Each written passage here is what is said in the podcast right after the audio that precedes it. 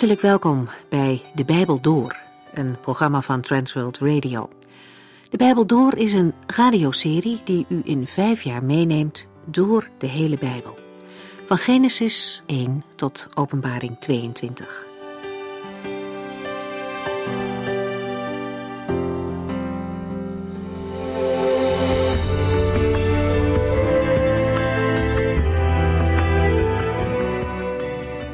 In de vorige aflevering stonden Deuteronomium 23 en 24 centraal.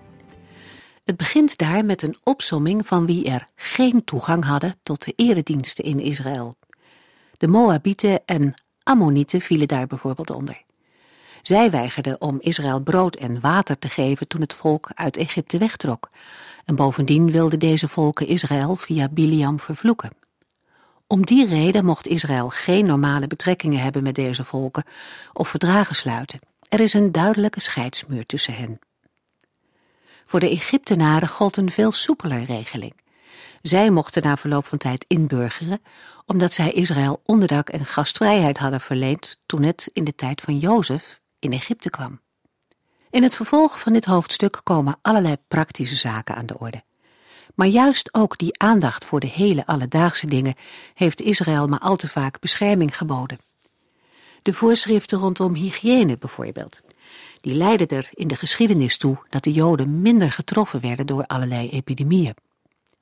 Ook krijgt de opdracht om goed voor de naaste te zijn in deze hoofdstukken een concretere invulling. Die zorg bleek bijvoorbeeld uit de bescherming die men een weggelopen slaaf moest bieden of een verbod op prostitutie voor de dochters en zonen van Israël. Juist bij dit verbod worden de benamingen zonen en dochters gebruikt. Dat zegt iets over hoe de Heere hen zag, namelijk als kinderen. Een ouder houdt van zijn kind en wil niet dat het in de prostitutie terechtkomt. En op die manier kijkt de Heere ook naar elk mensenkind. Ze zijn te kostbaar voor zo'n leven. Alles was erop gericht om het welzijn van de ander te bevorderen. En omgekeerd gebeurde het ook zodat iedereen de vruchten kon plukken van een sociale manier van leven. We kijken nu hoe hoofdstuk 25 en 26 de gedachten van God voor Israël verder uitwerken.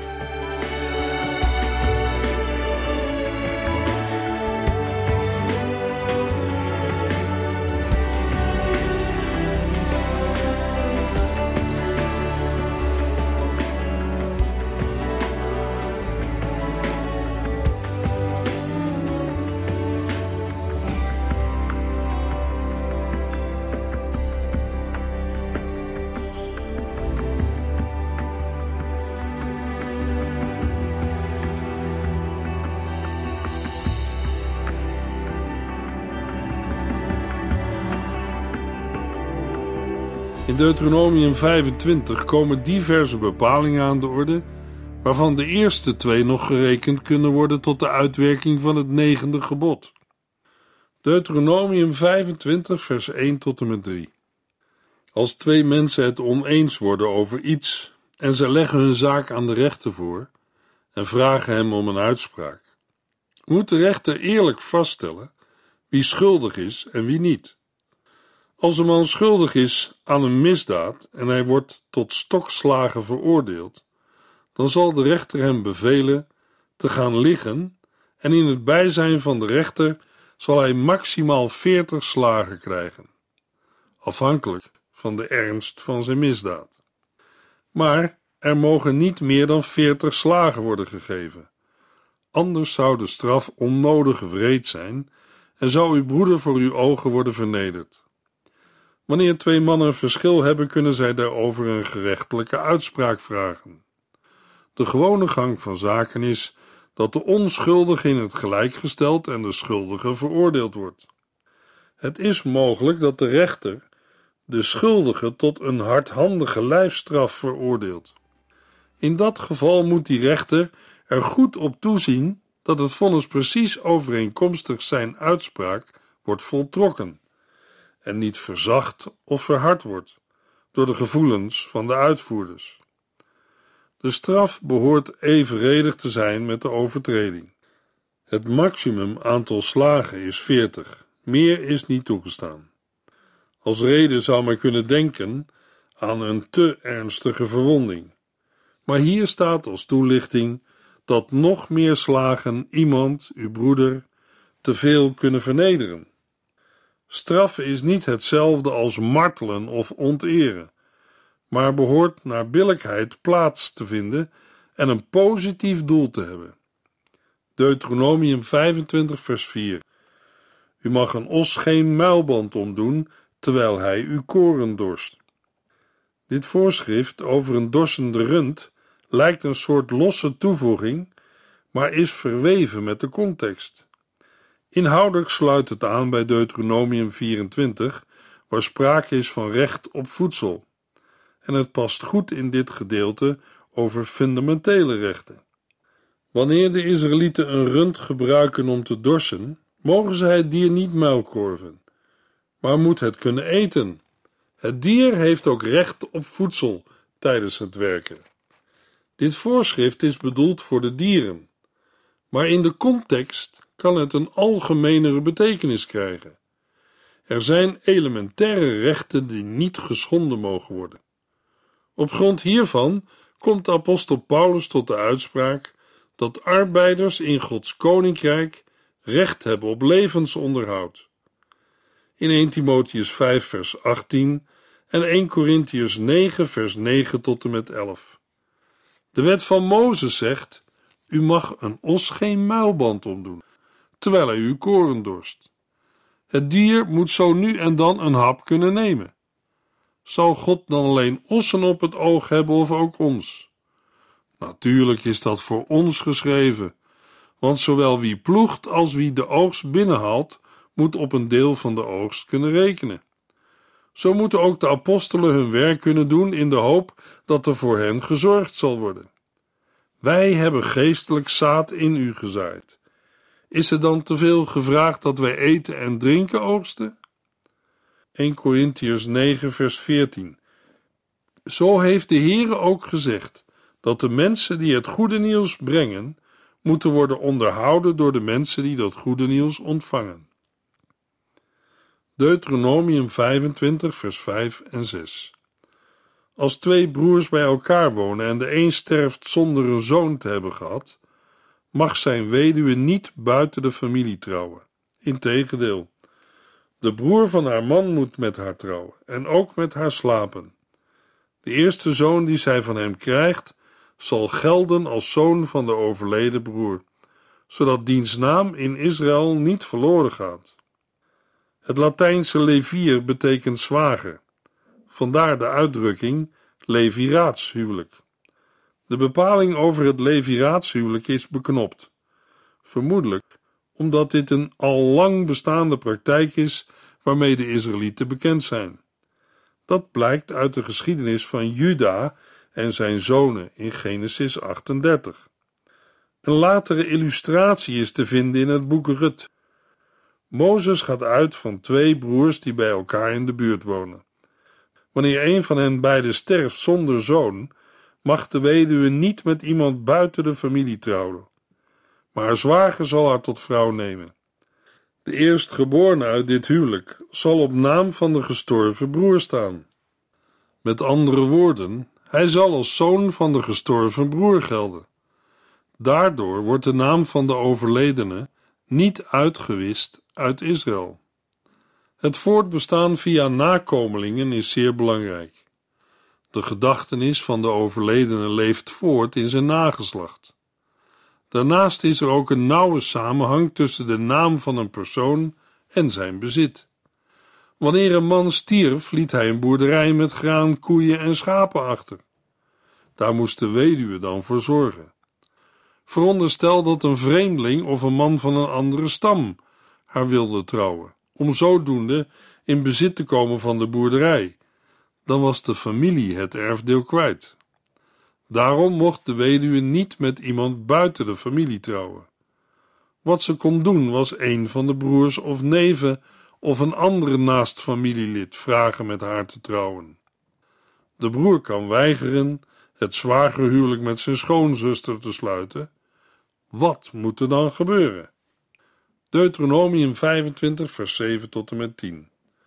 Maar als de broer van de overleden man weigert zijn plicht te doen en niet met de weduwe wil trouwen, zal zij naar de leiders van de stad gaan en zeggen: De broer van mijn man weigert de naam van zijn broer te laten voorbestaan.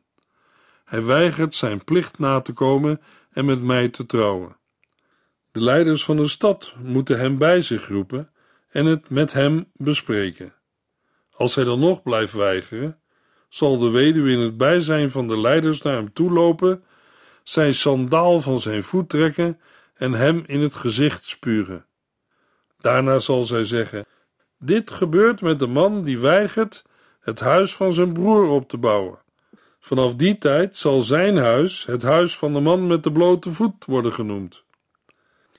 Wanneer de man niet met haar wil trouwen, kan de vrouw hem laten dagvaarden door de leiders van de stad. Zij moeten met hem praten. Als de man blijft weigeren, wordt hij bestraft. Dan wordt hij openbaar te schande gezet, omdat hij niet wilde doen wat de wet voorschreef. Dat liet zien dat hij niet juist had gehandeld tegenover zijn overleden broer, zijn familie, de stam waar hij bij hoorde en het hele volk. Zelfs tegenover de Heere God.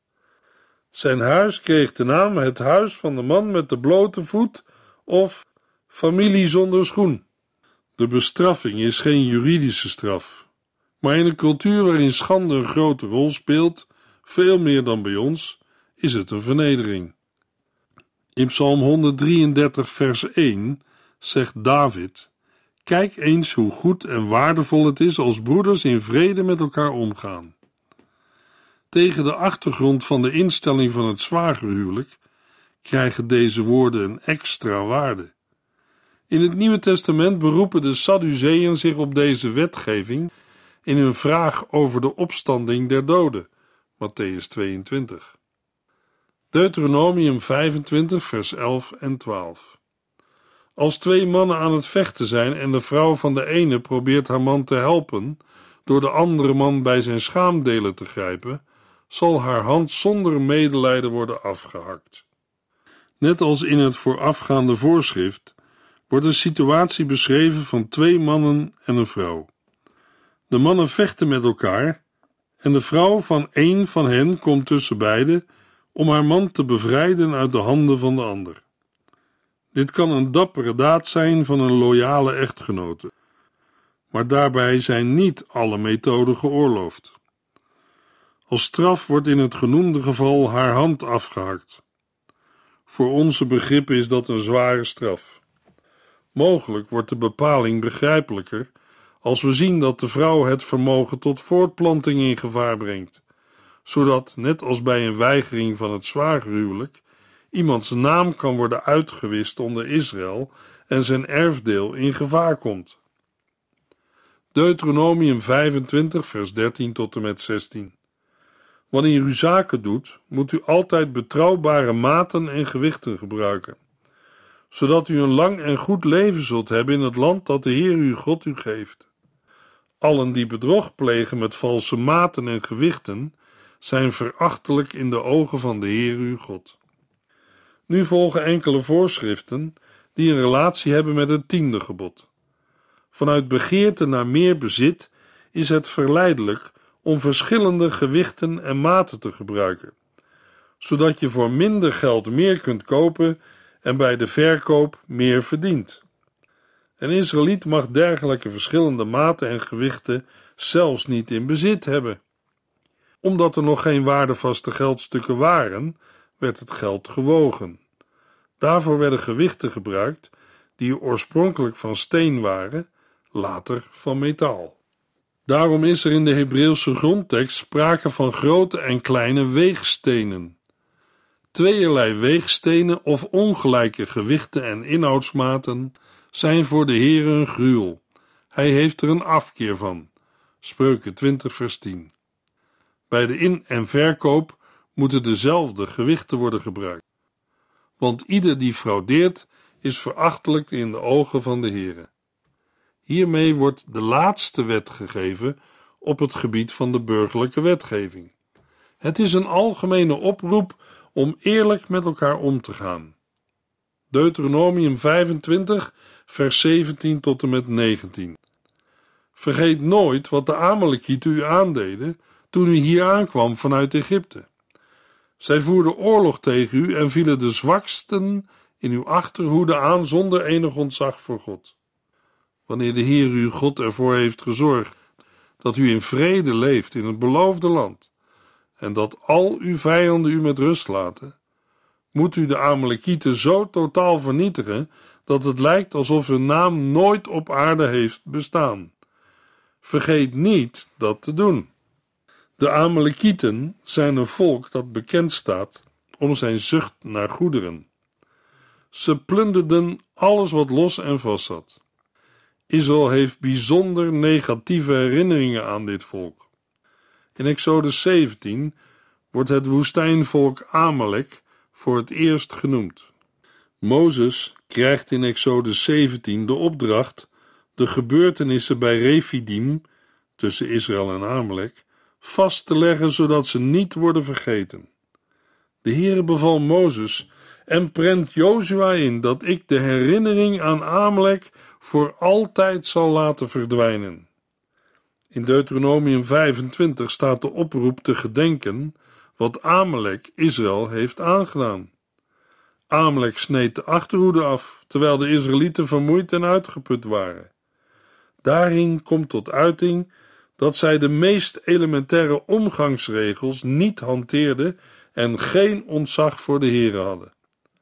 Volgens Psalm 83 behoort Amalek tot de volken die Israël wilden vernietigen. In nummer 24 voorzegt Biliam hun ondergang. Straks zullen de Israëlieten rust hebben van hun vijanden in Canaan, het land dat de Heer hun geven zal. En dan zullen zij de herinnering aan Amalek moeten uitwissen. Ze mogen dit niet vergeten. De Amalekieten hebben zich zo goddeloos misdragen dat hen hetzelfde overkomt als de inwoners van Canaan. De Amalekieten worden ook op andere plaatsen in de Bijbel genoemd, in het Bijbelboek Richteren of Rechters. Helaas heeft Israël geen gehoor gegeven aan de oproep tot vernietiging van Amalek. In 1 Samuel 15 krijgt koning Saul alsnog die opdracht, maar ook hij voert die niet goed uit. In 1 Samuel 27 en 30 lezen we over een aantal gevechten van David met de Amalekieten.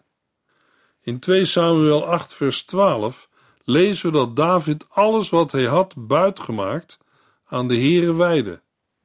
Ook wat buitgemaakt was op Amalek. Een groep Simeonieten verslaat het overblijfsel van de Amalekieten in Seir. 2 Kronieken 4 vers 43 daar doden zij de weinige nog in leven zijnde Amalekieten. Sinds die tijd wonen de Simeonieten op de berg Seir. Deuteronomium 26, vers 1 tot en met 4. Mozes zei verder tegen het volk: Wanneer u aankomt in het land, het hebt veroverd en erin woont, moet u in het heiligdom de eerste opbrengsten van uw oogst aan de Heere aanbieden Breng het mee in een mand. Geef het aan de dienstdoende priester en zeg: Dit geschenk is mijn plechtige verklaring dat de Heere mijn God mij in het land heeft gebracht dat hij mijn voorouders heeft beloofd.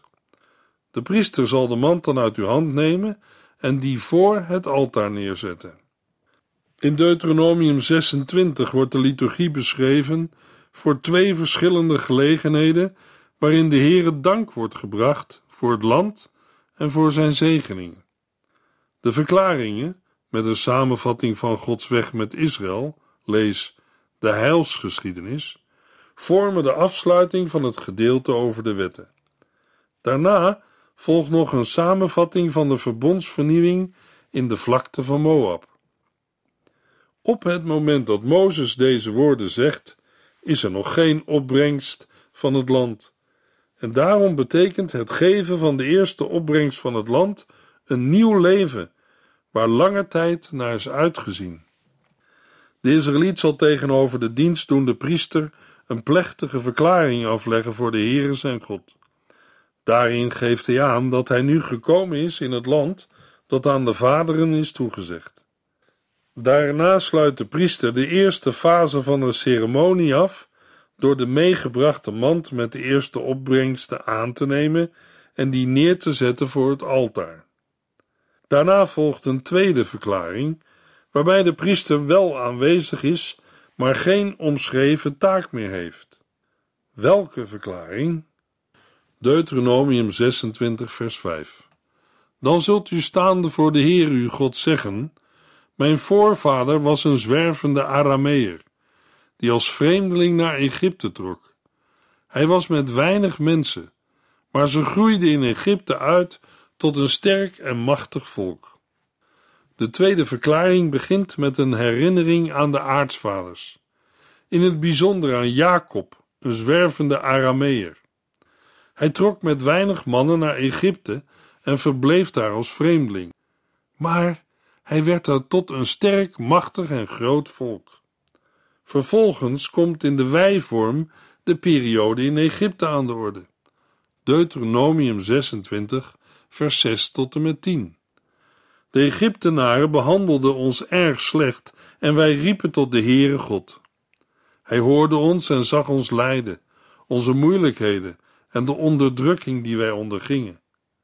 Met machtige wonderen en een sterke hand leidde hij ons toen uit Egypte. Hij deed grote en geweldige wonderen voor de ogen van de Egyptenaren.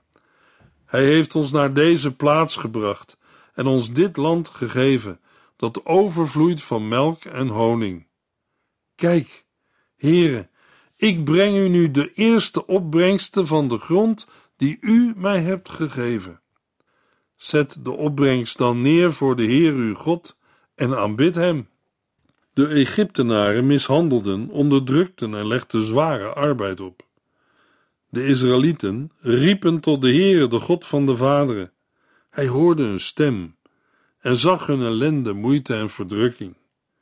Daarop leidde hij hen weg uit Egypte door tekenen en wonderen. Hij bracht en gaf hem dit land, een land vloeiende van melk en honing.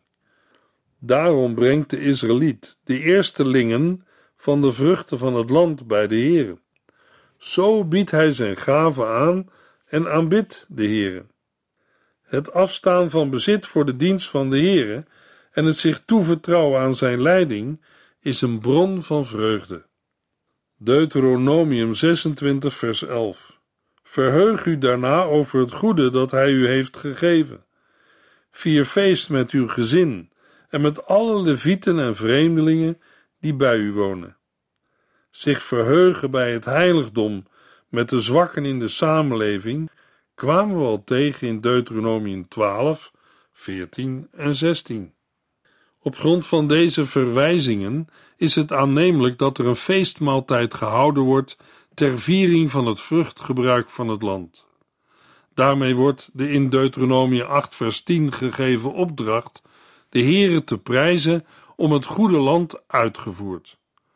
De vermelding van de vreemdeling herinnert aan de in vers 5 genoemde zwerftocht van Jacob. Het tweede deel van Deuteronomium 26 gaat over de belofte van de Israëlieten. Zij zullen uit dankbaarheid gehoorzaam zijn en aan de opdrachten van de Heere voldoen. Deuteronomium 26, vers 12 tot en met 15. Het derde jaar is het jaar van de tienden. In dat jaar moet u al uw tienden aan de levieten, vreemdelingen, wezen en weduwen geven, zodat zij meer dan genoeg kunnen eten. Dan zult u voor de Heer uw God verklaren: Ik heb al mijn tienden aan de levieten, vreemdelingen, wezen en weduwen gegeven, zoals u mij hebt opgedragen. Ik heb geen van uw geboden overtreden of vergeten. Kijk neer vanuit uw heilig huis in de hemelen en zegen uw volk Israël en het land dat u ons hebt gegeven, zoals u onze voorouders hebt beloofd, een land dat overvloeit van melk en honing.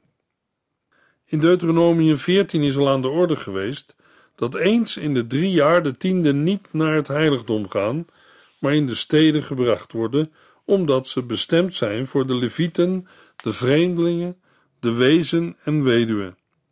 In de versen 12 tot en met 15 lezen we de bijbehorende verklaring. Wanneer in zo'n derde jaar de Israëlieten klaar zijn met het afzonderen van de tienden, moeten zij ze geven aan de genoemde zwakken in de samenleving, zodat zij meer dan genoeg kunnen eten. Daarna zal de Israëliet een verklaring afleggen voor het aangezicht van de Heere en daarbij zowel positieve als negatieve handelingen noemen. Hij heeft het heilig uit zijn huis weggedaan, dat gegeven aan de mensen voor wie het bestemd is, in overeenstemming met Gods gebod. Hij heeft geen van de bepalingen over de tiende overtreden, zowel expres als per ongeluk. In rouw heeft hij er niet van gegeten of iets weggedaan, terwijl hij onrein was. En ook is niets daarvan in de nabijheid van de dood gebracht, waardoor de tiende verontreinigd zouden kunnen worden. Hij heeft geluisterd naar de stem van de Heere en gedaan wat hij heeft geboden. Hiermee legt de gever een soort zuiveringsverklaring af. Vervolgens richt hij zijn gebed tot de Heere en vraagt of hij wil neerzien uit zijn heilig huis, uit de hemel, en zowel het volk Israël als het land wil zegenen. Immers, hij heeft het beloofde land gegeven, zoals aan de vaderen onder Ede is beloofd, een land vloeiend van melk en honing. In het verlengde van wat God gegeven heeft, bidt de gever van de tiende om Gods verdere zegen, niet alleen voor zichzelf, maar ook voor het hele volk. Deuteronomium 26, vers 16 tot en met 19. U moet met heel uw hart de wetten en regels die de Heer uw God u vandaag geeft, gehoorzamen. U hebt vandaag verklaard dat Hij uw God is. U hebt beloofd Zijn wetten en voorschriften te gehoorzamen en naar Zijn stem te luisteren. En de Heer heeft vandaag verklaard dat u Zijn eigen volk bent, zoals Hij heeft beloofd, en dat u al Zijn geboden moet gehoorzamen. Als u dat doet, zal hij u groter maken dan welk ander volk ook. U zult lof oogsten en met roem overladen worden. Dan zult u een heilig volk zijn voor de Heer uw God, zoals hij dat van u verlangt. In de volgende uitzending lezen we Deuteronomium 27 en 28.